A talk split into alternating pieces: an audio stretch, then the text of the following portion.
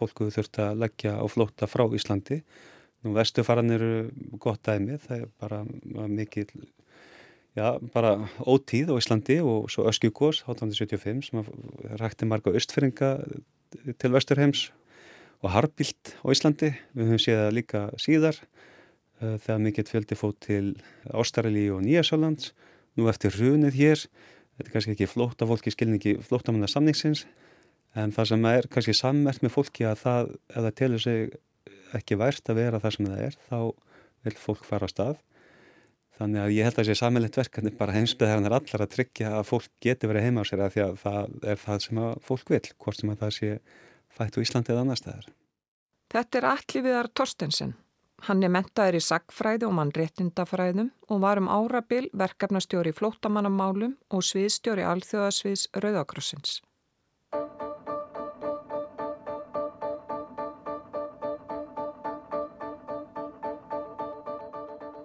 Flótafólki fjölgar í heiminum og líka á Íslandi. Gripið hefur verið til margvísleira aðgerða til að sinna fólki sem best og margir lagt hönd á pló. Það falla alls ekki allir umsækjetur um alþjóðlega vend umdir ákvæði flótamannasamnings saminuðu þjóðana og það getur tekið tíma að fá niðurstöðu um hvort viðkomandi hafi rétt á alþjóðleiri vend sem flótamæður. Kannanir maskínu benda til þess að þeim hafi fjölga sem telja að of mörgum sé veitt vernd á Íslandi og að erlendi ferðamenn séu líka of margir. Að það sé einfallega of mikið af útlendingum. Tæplega 2 miljónir ferðamanna sækja Ísland heim árið 2023. Á sama tíma hafa rúmlega 3000 sótum vend á Íslandi og hluti þeirra fengi sinjun nú þegar. Flesti þeirra sem hafa fengið vendi í ár eru frá Úkrænu og umsóknirnar eru flestar frá Úkrænu og Venezuelamönnum. Magnús Þorkjell Bernhardsson, profesor í sögum í Östurlanda, segir að neyð fái fólk til að yfirgefa heimalandi og að leita lífi annar staðar. Neyð sem smiklarar, öðru nafni milliliðir, nótfara sér þar sem fólk er reyðubúið að gera nánast hvað sem er til að forða sér úr þeim aðstæðum sem það býr við.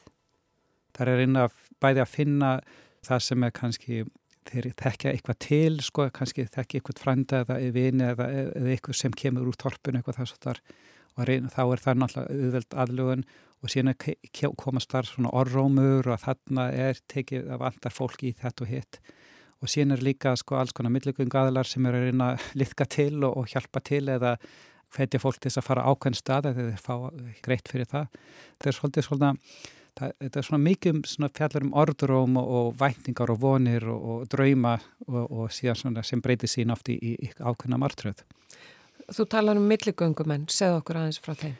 Já, þetta er, þetta, það er eitt af því sem ég kannski, við, sjá, horfum, við sjáum ekki oft, af því þetta er, þeir vinna alltaf bak við tjöldin, en þetta er svona aðeins sem, sem þú borga til þess að koma þér frá A til B og oftast er þetta til til að hávar fjárhæði sem fólk er að borga til þess að koma inn í fyrirhendalandið og þessir aðlar, við vitum ekki alltaf hverju, að, hvaða aðlar þetta er, fyrir hvert starfaði er, hvort þetta starfa fyrir ríki sjálft eða hvort þetta sé svona skipuleg glæbastarsimi eða bara einhverju frumkvöldlar eða þá hvort þetta sé fólk sem eru með tengsl við ákveðna atvinnugreinar í Evrópu eða Norður Ameríku í landbúðnaði eða veitingarekstri eða sláturhúsum eða hvað sem er og þeir er, bara er sagt ok, þeir verða að finna 50 manns eða 100 manns og viljum fá það þessum tíma það bara farið inn og sapna saman fólki og koma áleiðis.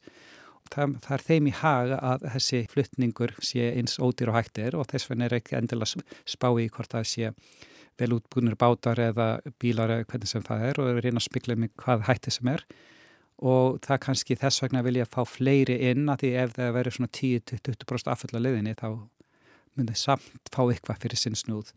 Og ég held að meðan við erum að spá í hverju er að flýja, hverju er að sækjast eftir því að fara annað og þegar við erum að spá í um sko, hvað þessi ríki gera til þess að geta tekið mútið flottunum þá verðum við líka skoðið þennan þátt þessa millegöngu aðila að þeir eru að vera djarfari og þeir eru að vera stórhugari og þeir sjá þarna að markaðurinn þeirra hvar hann er og hann er sko ennþá starri eins og fyrir suður við Sahara-eðimarkina ef þeir finna leið til að ná þeim, þess, þeim hóp upp til Afrúpu, þá er það gífælega mikla fjárhæðir og þá fyrst verður, verður sprenging í, í, í þessum málum.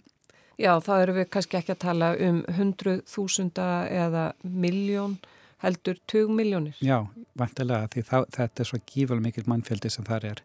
Það er bara það svo flókið að hvernig kemur þessu fólki yfir eðumörkina og að landa maður um Evropu.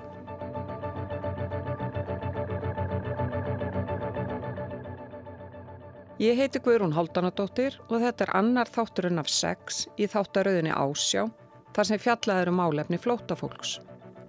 Í þessum þætti verður aðalega fjallað um hlutins opibera þegar að kemur að þjónustu við umsækjetur um alþjóðlega vend á Íslandi. Alli Viðar Torstensen hóf störf sem samhæfingastjóri í móttöku flótafólks hjá fósettisraðunettinu í byrjun mæ. Þetta er nýtt starf og kannski tilkemur vegna þess að umsækjum alþjóðlega vend og flótafólki hefur fjölkað talsveit hratt á Íslandi undanfærin ár og kerfið hefur breyst líka samlega því. Áður var þetta nánast útlendingarstofnun í ennfaldri mynd sem að sáum bæði þjónustu við umsækjum alþjóðlega vend og þetta ágræslu mála.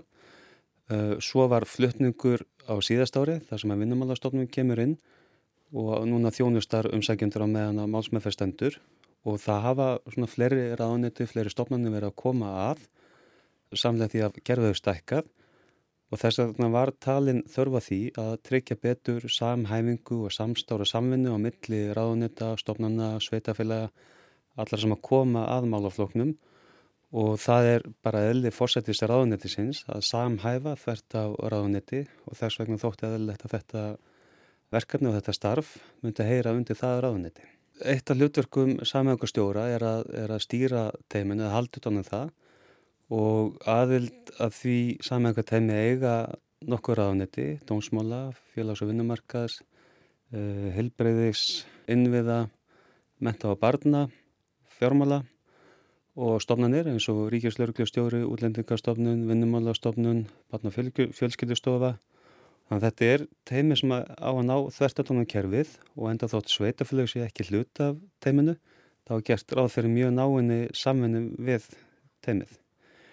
Þannig að þetta teimi á að hafa sett yfir sín yfir allt ferlið frá aðtilu og heitir samæðunga teimi í mótöku flóta fólks og það, það er átt við alveg frá því að umsækjandi kemur og óskar eftir alþjóðlega vend og þar til að hún hefur verið veitt eða viðkomandir farin frá landinu.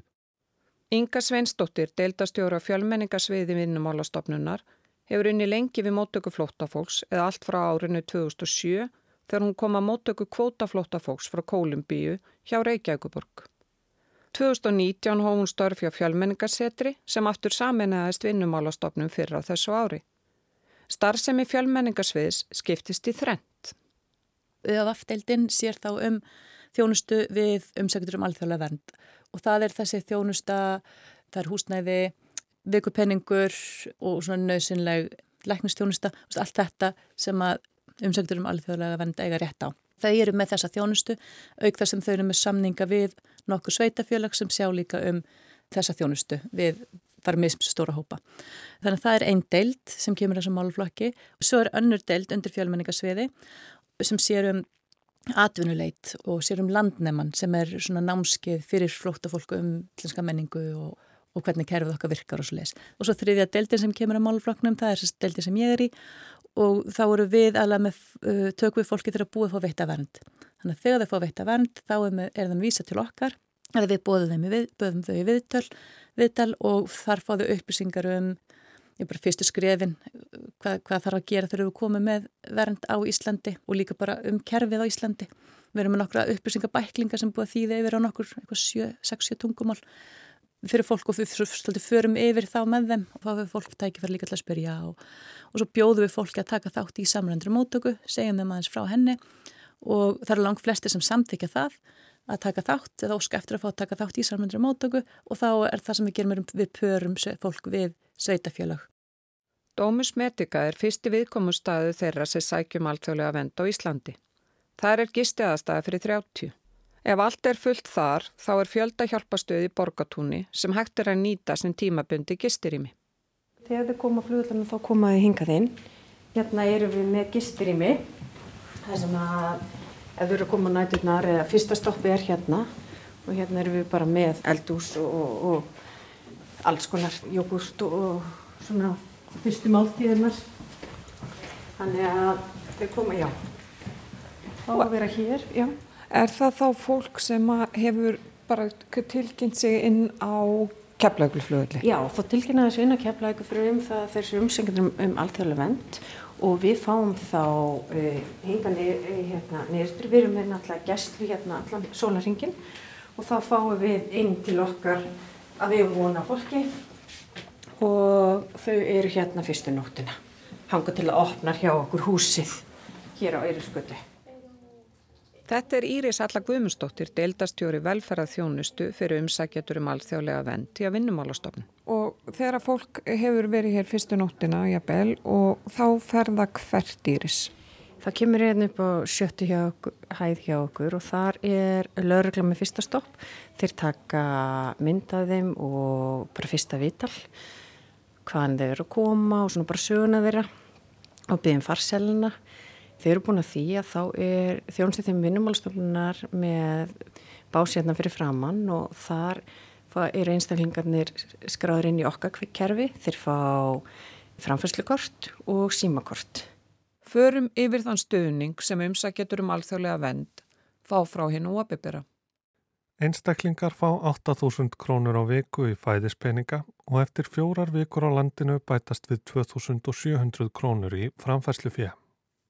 Samanlagt 10.700 krónur á einstakling á viku. Fæðispeningur til fjölskyldu getur aldrei numið herri uppæð en 28.000 krónum á viku og svo bætast við 9.400 krónur í framfæslu fjö fyrir fjölskyldu á viku eftir að hún hefur dvalið hér í fjórar vikur. Samtals 37.400 krónur á fjölskyldu, hvort sem um sexmanna fjölskyldu er að ræða, stærri eða minni. Umsækjendur fá aðeins nöðsynlega helbreyðistjónustu og lif. Við förum nánar út í það í þriðja þætti ásjár. Tannlækna þjónusta barna er svo sama og hjá sjúkratriðum börnum, aðrir umsækjendur fá ekki niðurgreita þjónustu tannlækna. Strætókort til að geta sendt málsmeðferð hjá útlendingastofnun, sótt læknatíma og slíkt. Allir umsækjendur fá semkort sem hægt er að nota til að ringja og senda SMS en greiða sjálfur fyrir gagnamagn. Íbúðir eða herbergi fyrir ein eða fleiri. Fólk fær líka seng, kotta, rúmfött, mataráhöld, potta og pönnur. Svo erum við hér á annari hæð og hvað gerist nú þegar fólk er komið hinga niður? Þegar þau eru komin hinga þá erum við búin að þá gefa strætókort. Uh, ef einstaklega getur þetta ekki stræta þá faraðu með strætó nýri í borgatún eða þá eru það legubilar sem þau fara í fjöldahjálpina sem við erum með þar og þar eru þau í alltaf þrjá daga meðan við erum að finna búsitúraði fyrir þau. En eins og fólki sem situr hérna og er að býða, eftir hverju er það fólk að býða? Þau eru að býða oftast eftir þjónustu viðtalum frammi, það sem eru með frammi, þjónustuborði.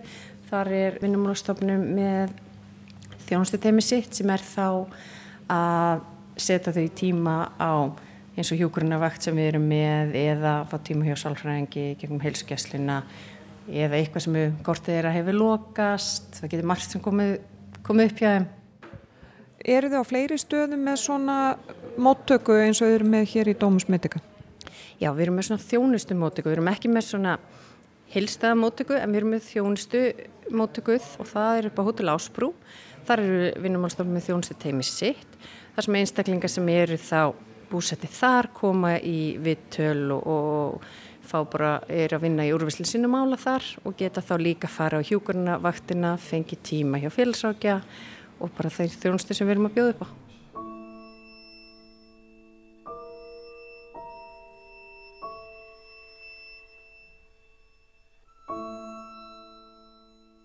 Sara Mespa er menningamilari hjá samrændi móttöku flóttafóksi á Reykjavíkuborg við erum svona að miðla á milli okkar fólk sem er að vinna hjá Ríkjavíkborg og flattafólk sem eru nýkominn til landsins. Þrjár fjölskyldur, einstæða mæður frá Afganistan, komi hinga til lands á samt börnu sínum í bóði stjórnvalda í loka oktober 2012. Sara var í þeim hópi á samt móður sinni og yngri sýstur en þær komi hinga frá Íran. Þær voru kvorki örgar um lífsitt í Afganistan nýja Íran. Sara var tvítug nokkru dögum eftir komuna til Íslands. Hún segir að þetta hafi verið erfitt í byrjun. En svo ég segi alltaf, þetta var annað heimur fyrir okkur, bara alveg öðruvísi. Uh, þetta tókst tíma en samt. Við gáttum bara björga sjálfan okkur með hjálpuna svona Íslandingar, Íslandingum fólki, vinnir okkar og ég get sagt að þetta er mjög erfitt fyrsta þrjú ár. Þetta tekur mjög mikið tíma fyrir svona fólki sem er að koma frá Ösjölendum til að bara venjast hér, hér og svo sekja menningunni hér og bara allt, reglur, log og alls konar. Og til að bara læra tungumálina og bjarga sjálfan sig af því að uh, þetta hjálpar mikið að kenna ennsku en samt. Så er det alltaf sånn fyrir utan uh, samfélaginu segur að þú talar ekki íslensku. Og á meðan þú byrjar að tala íslensku, þú bara bara skref og skref inni. Ferðlega gjör ólíkt þegar fólk kemur til landsins í bóði stjórnvalda og því þegar flotta fólk kemur á eigin vegum. Fólk sem svo hér sem kom hingað sem gótt og flott fólk, þetta var miklu auðveldara fyrir okkur. En hælisletandur, þetta er fyrst og fremst erfitt ákverðun að taka. Fara frá landinu í annat land, okkunulegt land, er að koma ólululegt sem hælisleitandi til eitthvað land, så er det setja sjálfan sig og fjölskyldan í hættu. Så er det skilja allt eftir og fara gegnum mjög erfitt leis. Við getum ekki ímyndið okkur hvernig er þetta leis. Ekki nokkur svona, þetta er marg sem missa fjölskyldun í þessu leis. Fólki sem kom á þessu leis eru allir verið gegnum svona mikið ofbeldi, sár, kannski svo ég segja á hverjum sekundum að við gerum svona mistök. En þetta er svona mannlegt eðli að alltaf reyna fyrir betri liv. Við erum svona man manneskjör og við erum, að, við erum alltaf að reyna til að hafa betra liv. Og fyrir fólki sem til dæmis eru í stress, landis er í stress, er þetta svona mikið takkmarkuð fyrir svona barnið og sjálfan sér. Þetta er svona eitt leið að ákveða að fara frá landinu. Svo ég er að taka síðast tjansen svo ég er með að flyga eða flytja frá landinu. Þetta er mjög erfitt að ákveða það, fyrst og fremst. En svo miður af þetta svona málið er að þetta er að koma svona margir flotta fólk af þetta heiminn er bara í ringlus. Allir er að bara flýja.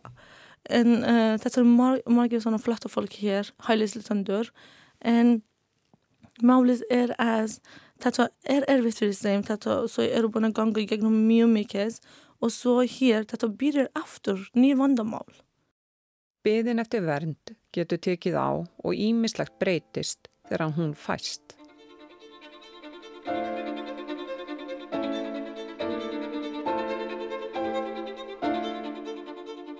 Það er hægt að hafna og ef það er málutnulega ástæða fyrir því að fólk get ekki farið eitthvað ákveðn ákveðn stað þá endur skoða við og þá er hægt að bjóða hana. En ég vildi reynu við að bara gera þetta vel og við skoðum, við fáum fólk til okkar og, og skoðum hver staðan er og svo er eins og sum, sumur eru búin að vera mjög lengi í þessu umsóknarferli. Ég held að metið hafi verið maður sem kom til minn, hann, ég held að hann hafi verið fjóra, fimm ár Vera, en, en það var náttúrulega alls konar, það var búið að áfrýja, hann var búin að fara þessa leið og hinna leiðina og allt það og það var náttúrulega algjör undan tekning og bara alls konar sem spilar inn. En það kemur alveg fyrir að fólk er kannski búið að vera í eitt ár og er kannski með fjölskyldu og börnin eru byrjuð í skóla. Þá skoðum við það. Við erum ekki að rýfa heila fjölskyldu upp flytjana eh, landsótna milli bara því að, að það er laus pláss hér eða þar. Rannveg Einarstóttir, sviðstjóri velferðarsviðs Reykjavíkuborgar, hefur unni í félagsþjónustu sveitafélagana í yfir 30 ár lengst af í Reykjanesbæ en einni í Hafnafyrði. Sveitafjölögin þrjú af ásand Vestmanægabæ gert samningu í vinnumálastofnun um að veita umsækjaldum um alþjóðlega vend þjónustu. Reykjavíkuborg hefur tekið á móti flóttafólki í mörg ár. Það er nú nýverið búið að stækka samningin, hann var eitthvað um 220 og síðast ári en er núna komin upp í 300 einstaklingar sem við erum að, að þjónusta. Og eins og ég segi þá fyrir samningur í sér marskona þjónustu við, við þennan hóp. Og eru þau að full nýta í rauninni? Er... Já, hann er það, þó, já, hann er það alveg full nýtur og, og, og hefur verið það frá því við stækkum hann, já, já, þörfin eru auðvitað mikil.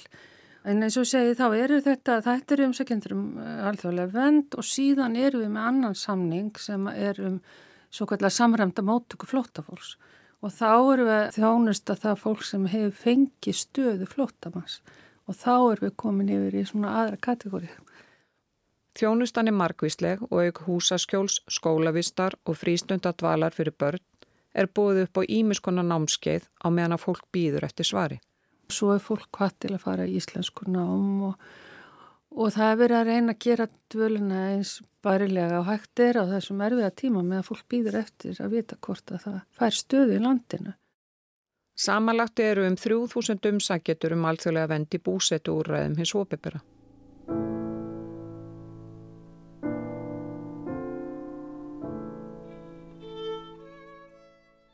Það eru hópur sem að umsækjanda sem eru þjónustu vinnumálastofnunar og ég held að það sé alveg viðkjönda þeir sem eru þjónustu sveitafélagna er að fá mjög öflugri þjónustu og meira utanumhald heldur en þeir sem eru í þjónustu vinnumálastofnunar. Þannig, þannig að það er svona, ég bara reyður mér alveg að segja það. Og er, sko, þingsti hlutin er væntalega húsnæðisliðurinn í dag? Já, sko, þvarðandi umsækjandur um alþjóðlega vend að þá eru það húsnæðismálinni nokkuð skýr. Við erum sko, eins og hér í Reykjavík erum við með, með húsnæði þar sem eru margir á hverjum stað og, og síðan eru við aukþess með íbúðir og ég þekki það í, í hafnafyrði þá eru við það með stóra reyningar. Þannig að það er kannski á þessu stígi er húsnæðismálinn ekki alveg eins aðkallandi eins og þegar við komum til búin að fá stöðu. Þá fyrir, virulega að það að vera erfitt að koma að fólki að fá, fá húsnæði. Samlundamótakan snýst svolítið um þessa viðbótar þjónustu sem að fólk þarf mögulega á að halda út af viðkvæmri stöðu sem það er í.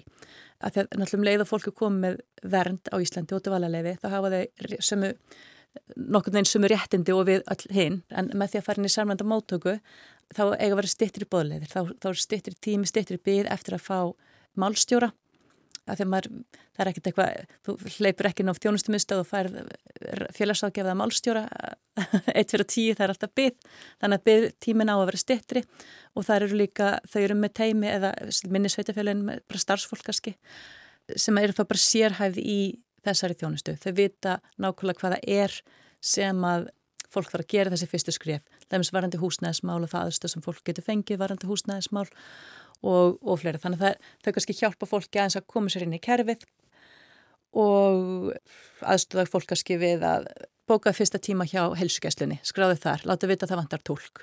En eftir það getur fólk farið og svo bara bóka það tíma þegar það þarf að fara.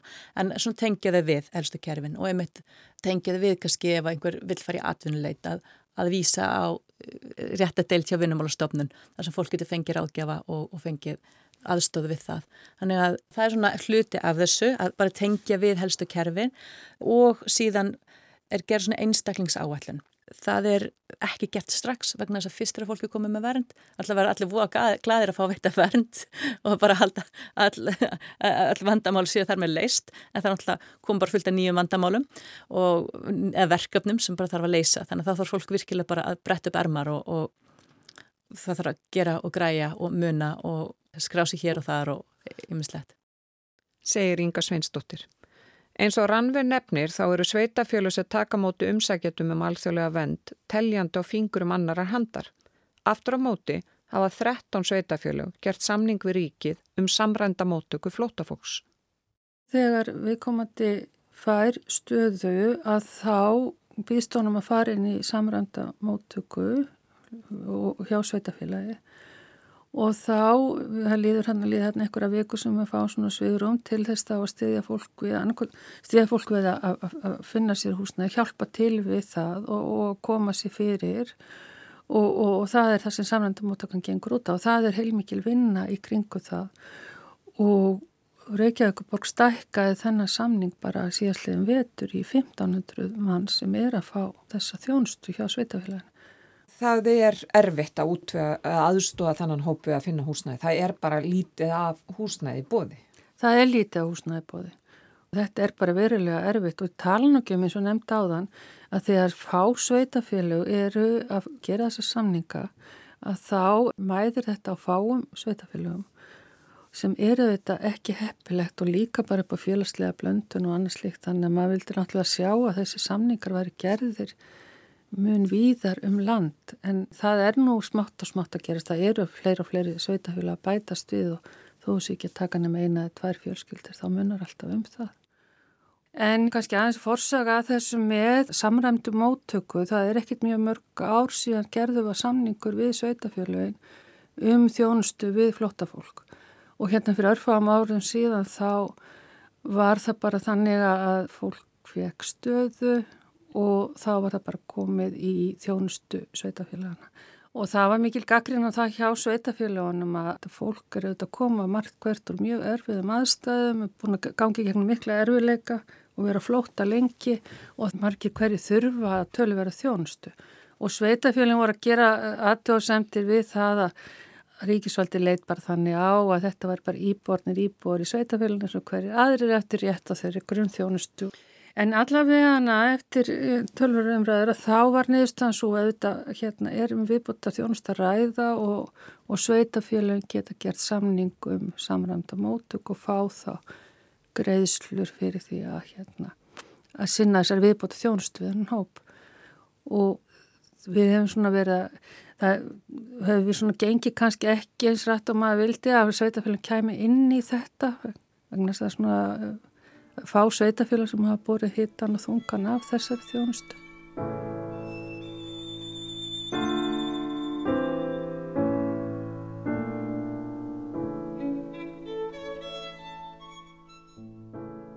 Rauði krossin hefur lengi stutt fólk sem hinga leitar. Nína Helgadóttir er teimistjóri á Rauðakrossinu. Við vorum með talsmanna þjónustuna til margra ára sem gafst afskaplega vel og það gafst í rauninni mjög vel líka að hafa talsmanna þjónustuna á sama stað og þennan félagslega stöðning þannig að þetta svona hjálpaði hvort öðru og var til þess að svona að við teljum og samkvæmtu svona okkar könnunum og þegar að fólk hafi áhyggjur á stöðu sinni, stöðu málsins þá gæti að komið í opin viðtalstíma og talað um það að hefði áhyggjur af stöðum málsins og hvort það væri eitthvað frétta af málsmeðferðinni og þannig að það var að svona miðla þessum upplýsingum á milli og þannig að fólk varð rólegra þegar það svona gatt komið áhyggjur sem um framfæri og það var svona meira samband á milli þó svo að það hefði náttúrulega oft verið þannig að það var svo sem lítið að frétta af málinu, það var bara í aðkunni ferli. En þá skiptir máli fyrir fólk að geta rætt þetta við eitthvað og ég held að við getum eitthvað neginn bætt þetta kerfi á svo miklu leiti með því að það sé eitthvað neginn sínilegra fólki hvar málið þeirra er statt og það getur svona sjálfflettið upp þetta veitir því ákveðin sálfélagslegan stöðning og gerur það rólega því fólki er auðvitað mjög bæði óurugt og, og svona á nálum með hvar málinn standa Bóði er upp á ímiskonar virkniúræði. Fólk getur komið í opna viðtalstíma og viðraða sínur áhyggjur og tala um líðan sína og oft, oft eru þau að, að koma einhverjum ábendingum eða umkortinum á framfari og það er þá tekið áfram ef að, ef að hægtir. Eh, þau fá stöning með fatakortum og síðan er talsvægt mikið félagslegt starf, bæði allskeins hópastarf og einnig viðburðir og það er uh, tungumálakensla bæði íslensku kensla eða íslensku þjálfun og, og ennsku þjálfun. Þannig að fólk getur komið og verið virt, þetta eru svona virkni úræði uh, af ýmsum tóa og aðeins mjög sem endur eftir stöðum eða það sem að fólk er niður komið. Og þið hafið einmitt, eru með sjálfbóðaliðið að sinna alls konar uh, starfi í kringum umsækjetur um alþjóðlega vend og líka bara þá sem hafa fengið hér alþjóðlega vend. Já, ég, við getum aldrei rekið þetta án þessa góða fólk sem kemur til liðs við okkur. Bæði í félagslega starfinu fyrir þá sem eru ennþá í umsóknarferlinu og svo ekki síður þau sem að gerast uh, leiðsöguvinnir eða tungumálavinnir eða taka þátt í að, að aðstofa við alls konar félagslega viðbörði eftir að fólk hefur fengið stöðu íslensku þjálfun og, og fleira og fleira. Íslensku kennslan sjálfur að við um yfirvalda fyrir þá sem hafa fengið stöðu en fólk segir okkur að það sé duði ekki til, það vil ég æfa sig meira og það hafa kannski ekki marga, marga möguleika til að æfa sig. Þannig að það er mjög uh, þakklátt starf sem að uh, þar er runnið og ótrúlega margir frábæri sjálfbæliðar sem að aðstofa okkur í því. Búsetu úr rauð á vegum vinnumálastofnunar rúma um 2400 manns. Langflest þeirra eru í þremur bæjarfélagum. Reykjanesbær 1100 manns á 8 stöðum. Reykjavík 500 manns á 7 stöðum. Hafnarfjörður 350 manns á 3 stöðum. Félags- og vinnumarkasraðunetið óskaði eftir því við Reykjavíkuborgi vor að fundnir er þið staðir fyrir búsetúrræði ætla umsækjatum um alþjóðlega vend. Það hefur verið umræða uh, sem ekki ekki neitt mjög langt komin varðandi svo kallega skjólgarða. Man hefur kallað það en það er svona byrjunastígi en það er þá húsnaði fyrir umsækjandur sem er að koma. Þannig að það er svona uh, ákveðin hugmynd um svona eitthvað að það er verið að tala jáfnvel um, um fyrir jáfnvel 200 manns á hverjum stað sko. Þannig að það er svona verið að skoða hvort að það geti, geti gengið upp. Að því að þetta verður að finna einhverja lausnir og það við horfum við þetta fram á það að, að flóta fólki er ekkit að fækka. Fyrir, fyrir í hinn áttina. Að það er auðvitað ljóst að við verðum að vinna, vinna í þessu málum og þetta er framtíðaverkefni. Vorum við á sein að undirbú okkur? Ég skal nú ekki segja um það, ég held að þetta gerist bara svo hratt hjá okkur.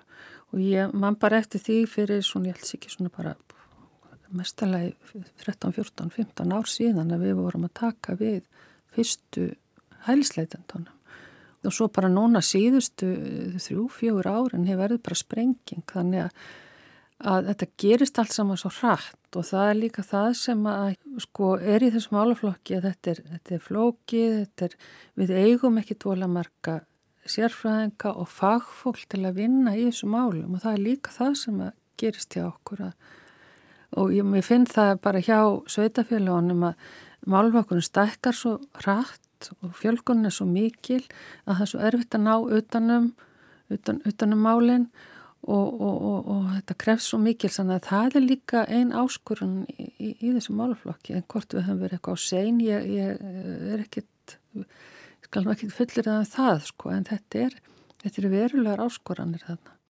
Rannveig segir grundvallaratrið að stitta málsmeðferðu umsokna um alþjóðlega vend.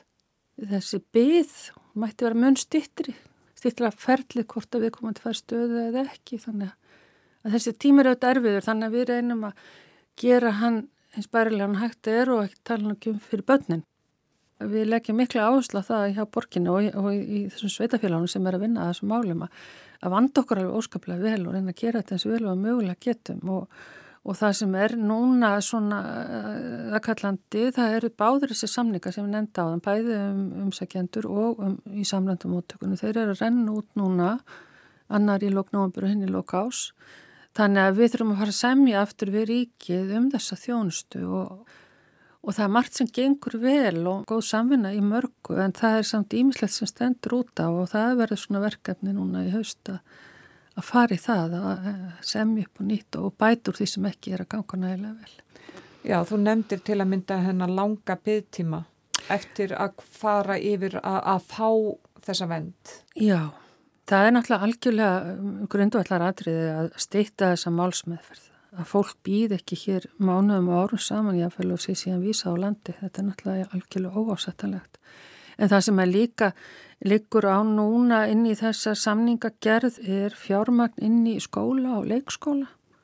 Það er, og auðvitað sko börnin í þessum hópi, það er auðvitað það sem er stóra málið og er framtíðin okkar og hvernig samfélagi við viljum byggja upp og og meðan við erum ekki að fá inn í sveitafélagin fjármakt til í skólagangu þessar batna þá það er náttúrulega óásettanlegt og, og í samnændum mótökunni þá er það er alveg smánar upp að sem verður að greiða, eingreisla sem verður að greiða fyrir hvert batn og ekki til á leikskóluna þannig að þetta bara þetta, þetta verður auðvitað lagfæra.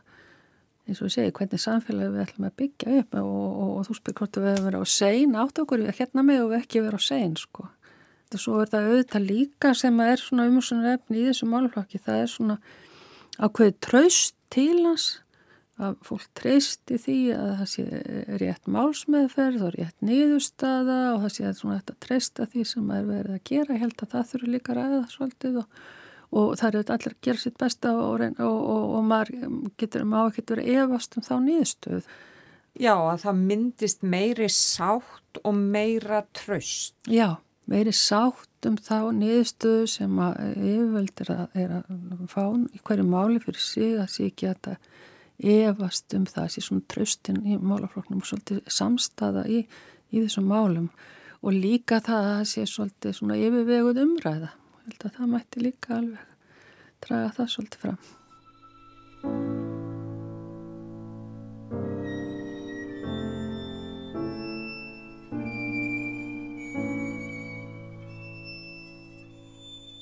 Ynga vitt sjá fleiri sveitafélög taka mótu umsækjendum. Nú erum við með 13 sveitafélög sem taka þátt í samlandur mótöku og auðvitað vildum við vilja sjá öll sveitafélagin á Íslandi taka þátt. Að þetta er náttúrulega bara svo gríðilega stort samfélagsverkefni og við vitum það núna, það eru yfir 100 miljón manns sem, að, sem er á flotta í heiminum og ég held að þetta séu, við erum 400.000 á Íslandi. Þetta eru 250 sinnum Ísland. þetta er náttúrulega gríðalegu fjöldi en það segir sér sjálf að það þurfa, við þurfum öll sveitafélagin með inn, það þurfa allir að taka þátt. Og það er, við höfum síður ósa breytingar síðan ég byrjaði, hverja 15 ár 15-16 ár síðan ég byrjaði. Og, og breytingarnar síðan þá eru náttúrulega svakalega miklar. Og flottafólki mun fjölga og þeim er að fjölga og það eru fleiri að koma til Íslands. Og það væri langt best að öll sveitafélag á landinu tækju þátt. Þetta er stort verkefni og samvinna skiptir hér miklu máli, segir allir við þar.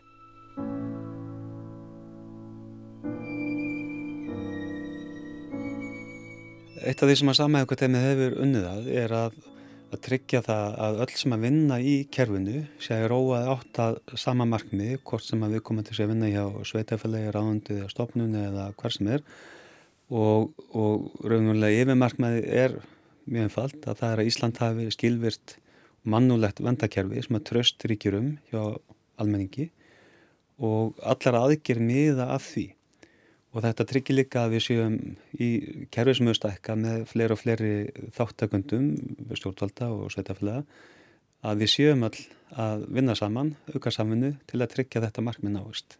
Sara byður Íslendinga að sína flóta fólki skilning. Við surfum að vera svona góðri við fólkið við surfum að bara sjá ekki bara fólkið núna í hvað stöðu eru þau núna bara sjá hvað var í bakvið mér finnst að uh, svona að minnst okkur sem flottafólk sem ég sekki og ég hef séð eru alltaf hræður að gera glæp. Af því að svo eru ekki með svona ótjófandi drálefi eða svona ríkisborgarréttur svo eru alltaf að hræður að svona gera eitthvað búið til eitthvað vandamál og þessi dårleifi eins og eitthvað annað gerist så, så er að fara mjög varlega ensamt, þetta er ungir fólk sem eru að koma frá mjög erfitt svona ástandis þetta getur gerst eitthvað en við getum bara hjálpast eins og ég sagði að gera sem búið til eitthvað svona tækifæri fyrir sem til að vinna senda sem í eitthvað sarfræðistíma og hjálpa sem af því að við við erum ekki bara íslensk afgansk eða eitthvað annars fyrir útansas, við erum manneskjur og þetta er okkar eðli til að hjálpa veist, hvort annars Bjarni Benediktsson formaði sjálfstæðisflokksins að stiðja Guðrún á sömu vegferð og Jón þar sem útlendingamálin væru einna fyrirferða mest, þar hefði þingið brugðist og kostnaður orðið allt of mikill.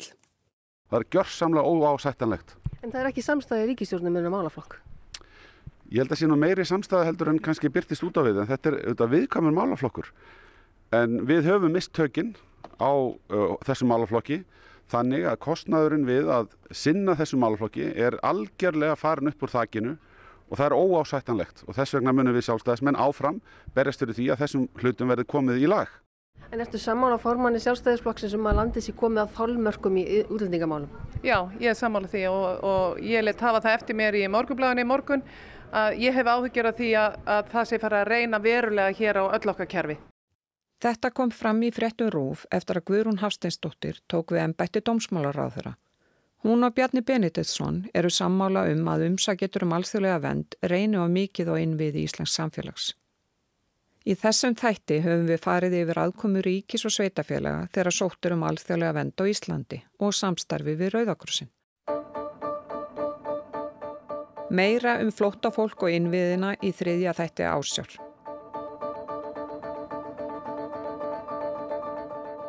Þáttaröðin ásjá er framleitað rás 1, umsjón og dasgragerð Guðrún Haldanadóttir, tæknimaður Lítiða Gretastóttir.